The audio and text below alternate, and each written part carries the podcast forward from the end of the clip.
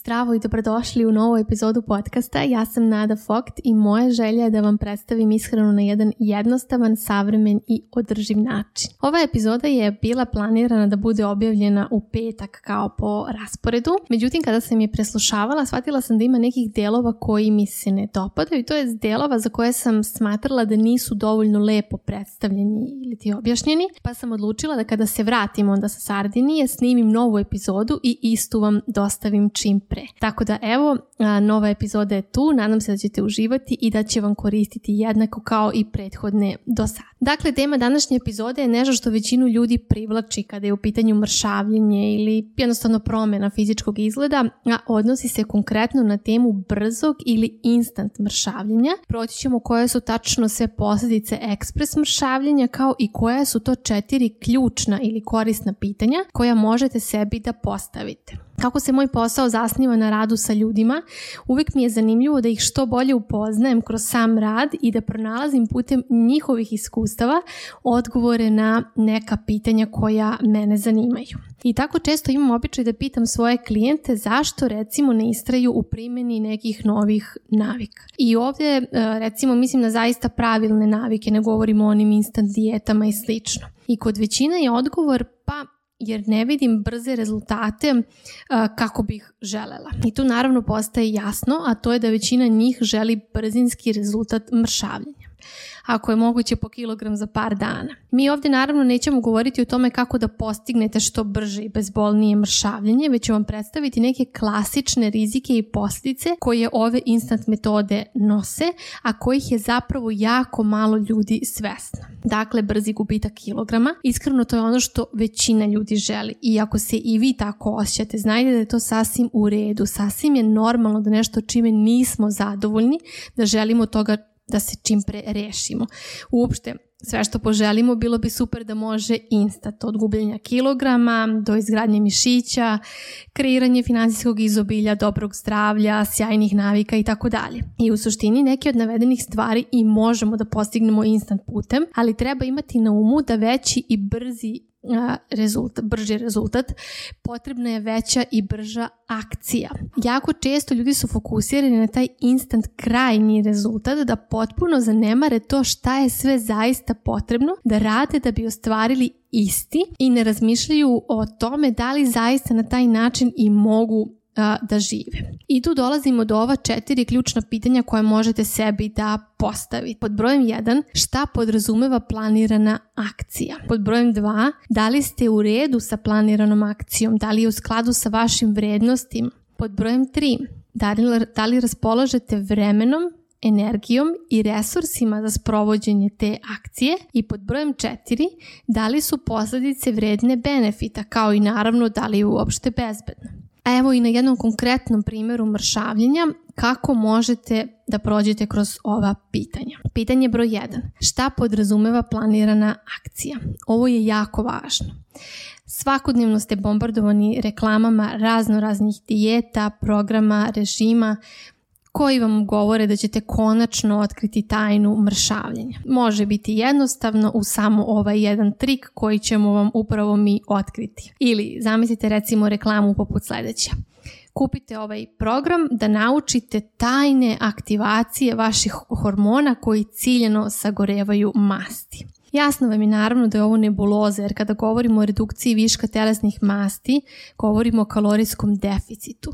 Jedini naučno potvrđen način gubitka telesnih masti je da se kreira energetski disbalans, to jest kalorijski deficit, gdje trošite više energije nego što unosite. I to se dešava na način ili da jedete više niskokalorične hrane, recimo slatkiše zamenite voćem ili svojim porcijama dodate više povrća, pa dobijate veći volumen obroka sa nižom kalorijskom gustinom. Drugi način je da samo jedete manje hrane, dakle jedete sve kao i do sada, samo su obimi porcija manji.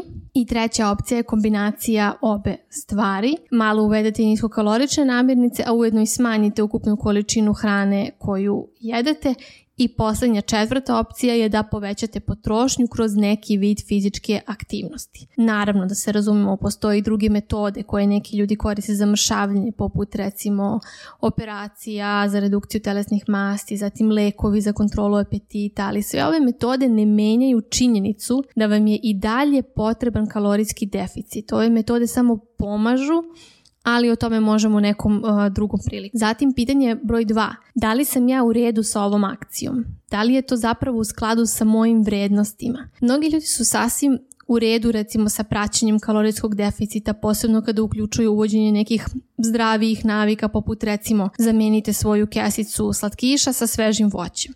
To svakako nosi svoje zdravstvene benefite na neki način ali stvari postaju nezgodne kada želite instant gubitak težine, jer to onda podrazumeva da pravite mnogo veću žrtvu od samo minimalnih izmena u načinu ishrane. Dakle, jesti značajno manje hrane, manje kalorija ili značajno pojačati nivo fizičke aktivnosti. To podrazumeva taj instant efekat. I to je ono što je zapravo na duge staze mnogo teže održavati čak šta više i nepotrebno. I dakle, ako ste tu verovanja da se to može sprovesti lagodno ili bez nekih štetnih posledica, kako inače i mnogi jojo dijetaši veruju, onda možete reći da, ovo je za mene izvodljivo. I iskreno I ja sam sama nekada bila ta koja bi na sve ovo rekla da, mogu ja to lako. I sama sam se podvrgavala raznim brzim instant rešenjima, ali onog trenutka kada shvatiš i razumeš šta to sve tačno podrazumeva, možda ipak nećeš biti tako brza sa odgovorom da,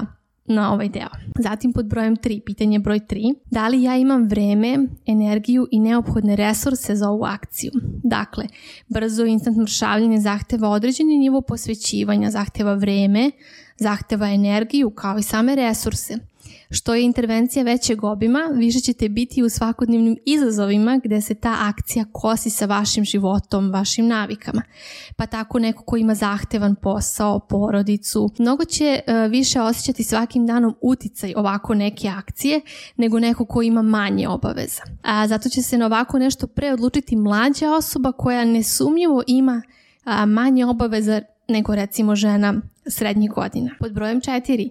Da li su posledice vredne tog rezultata? Da li bi to što radim bilo zapravo bezbedno? A sa fiziološke strane gledano doći će do gubitka mišićnog tkiva i to ne samo malko, već prilično sa velikim obimom kalorijskog deficita uz jednako gubljenje masti, telesnih masti ide i jednako gubljenje mišića, zatim koštana masa, ono što kao žena nikako ne želiš da gubiš. Ono što jeste činjenica je da kada pravimo veliki obim kalorijskog deficita, pravimo i deficit mikronutrijenata koje tim kalorijama inače dobijamo. Dobijamo pojačani osjećaj gladi i generalno pojačanu žudnju za hranu povećan je rizik za povratom svega kroz prijedanje kasnije. A, ovo je klasično iskustvo ili proces kroz koji svaki jojo dijetaš prolazi jedna klackalica između podhranjivanja do druge krajnosti prejedanja. I kao dodatno važno jeste velika verovatnoća da na kraju imate čak i viši procenat masnog tkiva nego što ste imali pre početka ovako nekog instant režima. I to se javlja kao posledica držanja restriktivne dijete, gde se sve što izgubite i vrati i bude u čak većoj meri nego sa početka. I ovo se dešava kod velikog broja onih koji se podvrgavaju instant dijetama, naravno ne kod svih, ali kod velikog broja ljudi. Pa zamislite samo ovako. Primenjujete neki drastični režim za mršavljenje, skidate kilograme brzinom munje i osjećate se vrlo motivisano i zadovoljno povodom toga. Ali taj gubitak kilograma nije samo masna masa tela, ujedno gubite i nešto mišićne mase kao i koštane mase. I kada se dogodi onaj povrat nakon završene dijete, dolazi do, dakle, do tog vraćanja kilaže. Ali stvar je u tome da ne dolazi do magičnog vraćanja mišića ili koštane mase, i ovo posebno neko kod onih koji nisu fizički aktivni. Dakle, primarno vraćate masti, tako da onda na kraju i imate taj efekt da se ukupni procenat masnog tkiva uvećao u odnosu na procenat koji ste imali kada ste isprva započeli sa dijetom.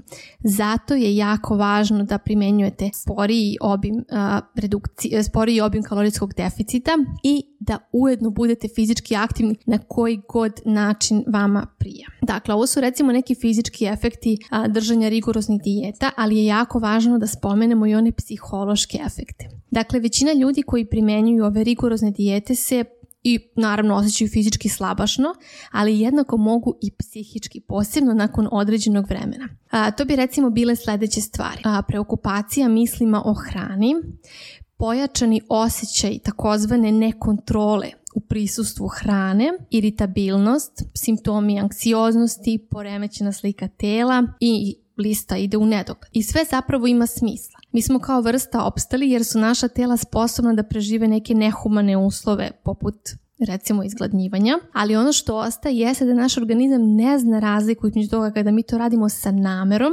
jer držimo dijetu, ili između toga da smo zaista u nekoj a, situaciji i oskudici hrane. I upravo ovi psihološki efekti ostavljaju dugotrajne posledice. Većina žena sa kojima ja radim može da kaže da su kroz većinu ovoga navedenog prošle i same. Pa verujem i vi koji ovo slušate. Sigurno je svaka od vas probala neku suludu dijetu i onda se prvih par dana osjećate možda jo, i onako ok, imate jaku volju, ali kako vreme odmiče, uviđate da se zapravo ne osjećate dobro, da vam je energija slabija, da ste razdražljivije i u ostalom da imate te obsedajuće misli o hrani. E sada, verujem da se pitate kao i mnogi, pa šta je onda ok?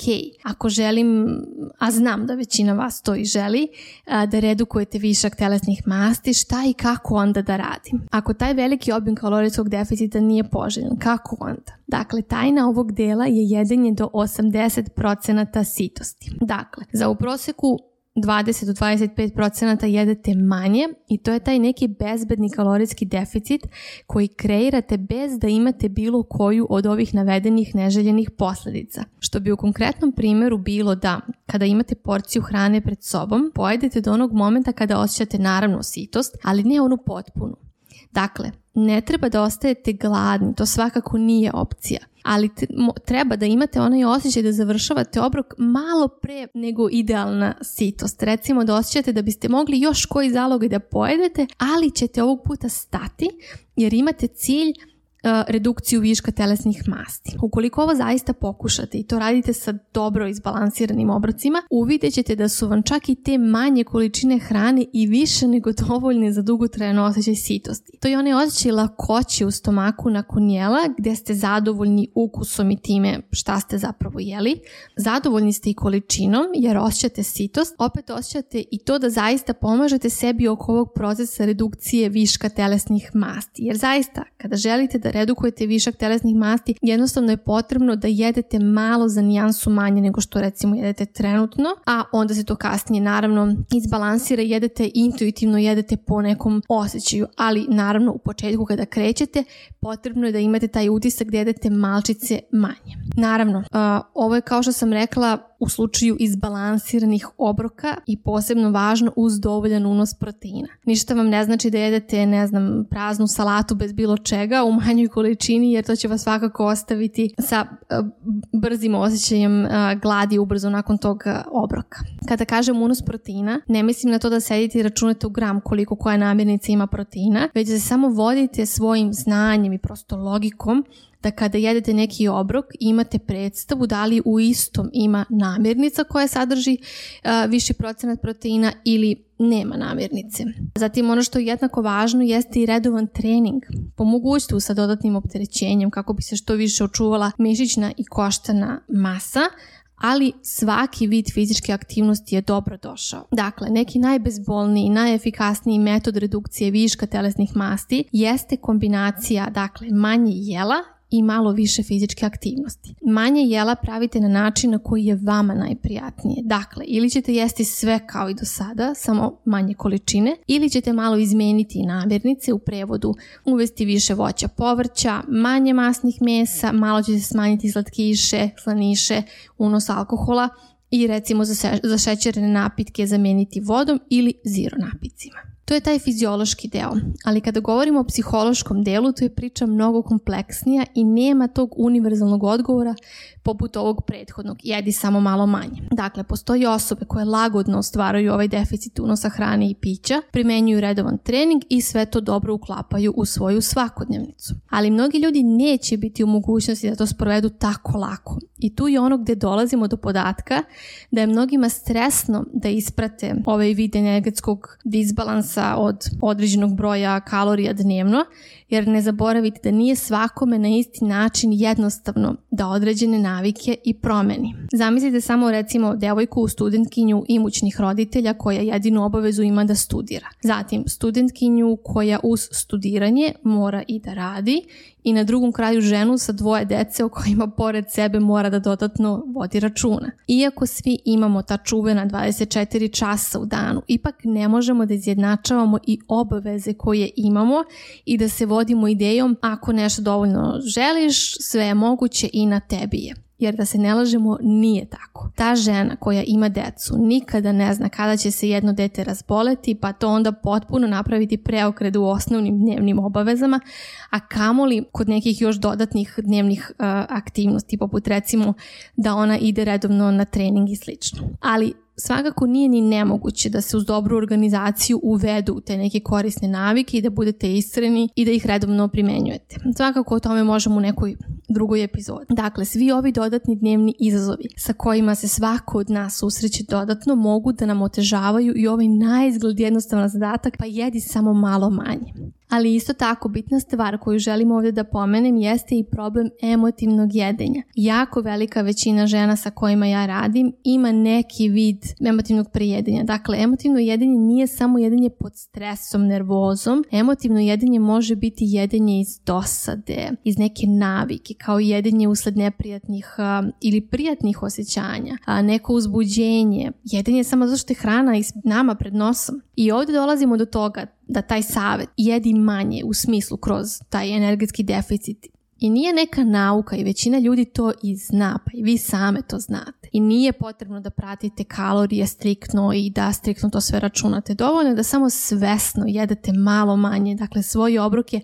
završite kada ste na 80% pojedine porcije. Kao što smo rekli, masnija mesa zamenite manje masnim mesima. Smanjite količinu recimo dresinga i preliva u salatama. Dodajte više povrća svojim obrocima. Dajte prednost vodi u odnosu na sva zašećerena pića. Umerenije sa alkoholom i tako dalje i tako dalje. Ovako u teoriji to nema mnogo nauke, stvari i više nego jednostavna, ali to što je jednostavno ne znači da je i lako izvodljivo. Mnogo veći izazovi da se prevaziđe to emotivno jedinje, to jest jedinje kada nema prisustva fizičke gladi.